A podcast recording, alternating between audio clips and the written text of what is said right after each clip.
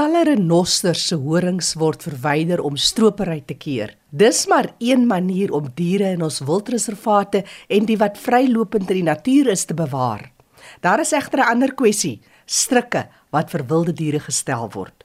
Lazan Nel is bestuurshoof by die Suid-Afrikaanse Jagters en Wildbewaringsvereniging en sy vertel ons van die inisiatiewe juis om diere te red teen 'n gewisse dood as hulle in strikke vasgevang is. Nou SA Jagters en Wildbewaringsvereniging is 'n volwaardige bewaringsvereniging en ons het verskeie bewaringsinisiatiewe insluitend inisiatiewe vir die bestryding van onwettige stropery van ons natuurlewe. Ons het byvoorbeeld projekte in die verband wat fokus op teenstropingsinisiatiewe vir renosters. Ons Safe Our Succulents inisiatief wat fokus op teenstroping operasies vir unieke vetplante en dan ons Snarebuster inisiatief. Hier werk die vereniging dikwels saam met ander vennote om vrywillig areas te patrolleer om strikke wat gestel is vir wild te verwyder of om reddingsoperasies te initieer om diere te verlos van strikke waarin hulle vasgevang is. Jy weet Jackie, strikke is 'n uiters wrede manier om diere te dood en diere sterf 'n stadige en 'n pynlike dood of hulle word vermink wat hulle vermoë om te oorleef beïnvloed. Nou stropery vind plaas op privaat grond, publieke areas en in ons parke en daar is eenvoudig net nie genoeg hulpbronne en wetstoepassers van die staat beskikbaar om hierdie probleem aan te spreek nie. Omdat ons lede naby aan die natuur leef en omgee vir wildlewe, het ons besluit om die Snarebuster inisiatief te loods sodat ons 'n verskil kan maak op die grond daar waar die situasie tans eskaleer. Lizaan, dit is 'n feit dat stropery al hoe meer toeneem. Kan 'n mens dit maar toeskryf aan die moeilike ekonomiese tyd hier en wêreldwyd? Strikke en stropery is vir baie lank al deel van ons landskap. Daar waar daar mense is, daar kry mens mense wat stropery doen. Die aantal voorvalle van strikke en stropery het egter die afgelope tyd vanaf die COVID-pandemie aansienlik toegeneem. Dit is waarskynlik die gevolg van mense wat hul werk verloor het gedurende die pandemie en gestroop het vir oorlewing. Maar die data wys ook vir ons dat sommige van die strikke wat gestel is, bloot deel is van onwettige kommersiële bosvleisoperasies. Dit het niks met primêre oorlewing te doen nie. Met ons 44000 lede wat in 82 takke reg oor Suid-Afrika versprei is, is die vereniging in 'n unieke posisie dat ons vrywilligers reg oor die land het wat tyd maak vir bewaring. Bewaringsinisiatiewe in die takke verskil, maar daar's reeds verskeie takke wat betrokke is by die Sneerbuster inisiatief.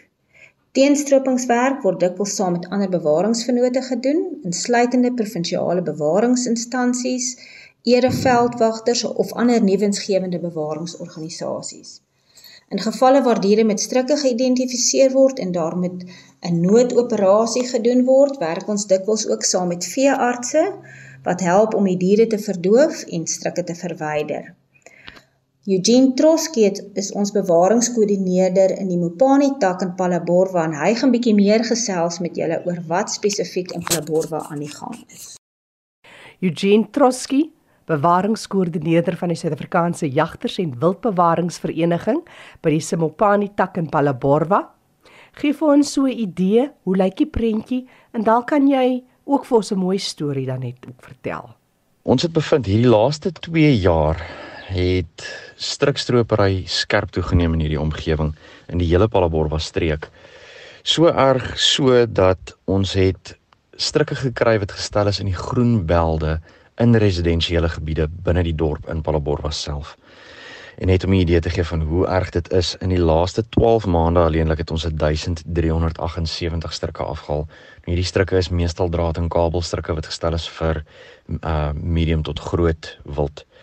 Ons het 61 karkasse gekry van wild wat gelos is wat nooit verwyder is uit die strikke uit hierdie stroopers nie wat net daar gelos is om te ontbind en dit sluit in 'n kameelperd, 'n luiperd, 'n gevlekte hyena en 20 buffels onder andere. Ons het in die laaste 12 maande het ons 3 olifante, 'n buffel en 'n seekoei wat ons moes gepyl het om strikke af te haal wat dis die gelukkige oorlewendes, maar wat ook nie so gelukkig is nie want hulle loop rond, hulle is vermink, hulle loop met 'n strik rond wat verder en dieper insny wat moet gepyl word en dan die strik verwyder word. So een suksesstorie wat ons onlangs gehad het, ehm um, dit was om en by 'n maand gelede het ons 'n seekoei, die die seekoei gehad met 'n stryk rondom haar bek. Sy het hierdie eh, 'n uh, redelike dik kabelstryk in die dorp wat waar hy gestel was moes sy hom opgetel het. Sy het hom ongelukkig om haar bek gehad en sy kon nie ehm um, genoeg voeding inkry nie. Sy kon nie vreet nie. So sy was redelik swak geweest. Sy het 'n kalf by haar gehad ook.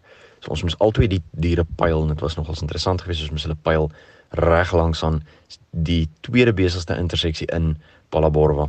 So dis nogals 'n 'n uitdagende uh operasie geweest, maar dit was suksesvol. Ons het die stryk afgehaal en sy was behandel en sedertdien is sy al menigte kere in die dorp gesien saam met haar kalf en sy is besig om te herstel. So dit was 'n suksesstorie geweest wat ons gehad het. Eugene, waaroor droom julle in die toekoms? Hoe sien julle wie moet betrokke raak en wat is die planne? Ons visie vir die projek vorentoe is die bewusmaking en vergadering van statistieke en data wat heidaglik nie beskikbaar is nie. Daar is statistieke beskikbaar vir vergiftiging van diere, daar is statistieke beskikbaar vir renosterstropery, maar daar is nie vir strukstropery nie.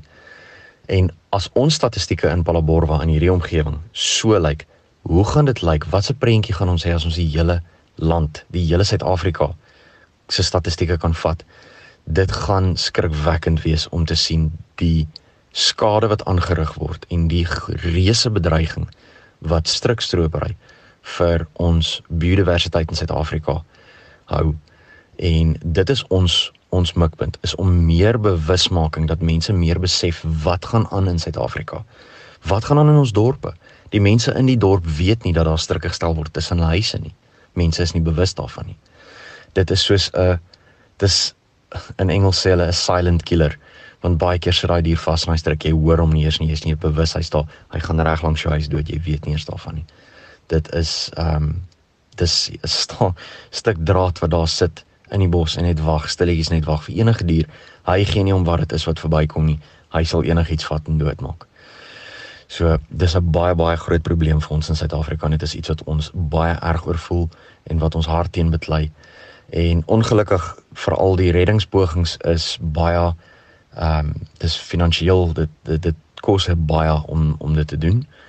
En ons vra asseblief as daar enigiemand is wat bereid sal wees om by te dra tot hierdie projekte? Om my asseblief te nader en te skakel by 082 614 3688 baie dankie. Eugene Trotsky bewaringskoördineerder van die Suid-Afrikaanse Jagters en Wildbewaringsvereniging in Palaborwa en Lizanel, bestuurshoof van die Suid-Afrikaanse Jagters en Wildbewaringsvereniging het ook saamgesels. Net weer Eugene se nommer wat hy deurgegee het as jy met hom kontak wil maak, 082 614 3688. Ek is Jackie January. Groete tot 'n volgende keer.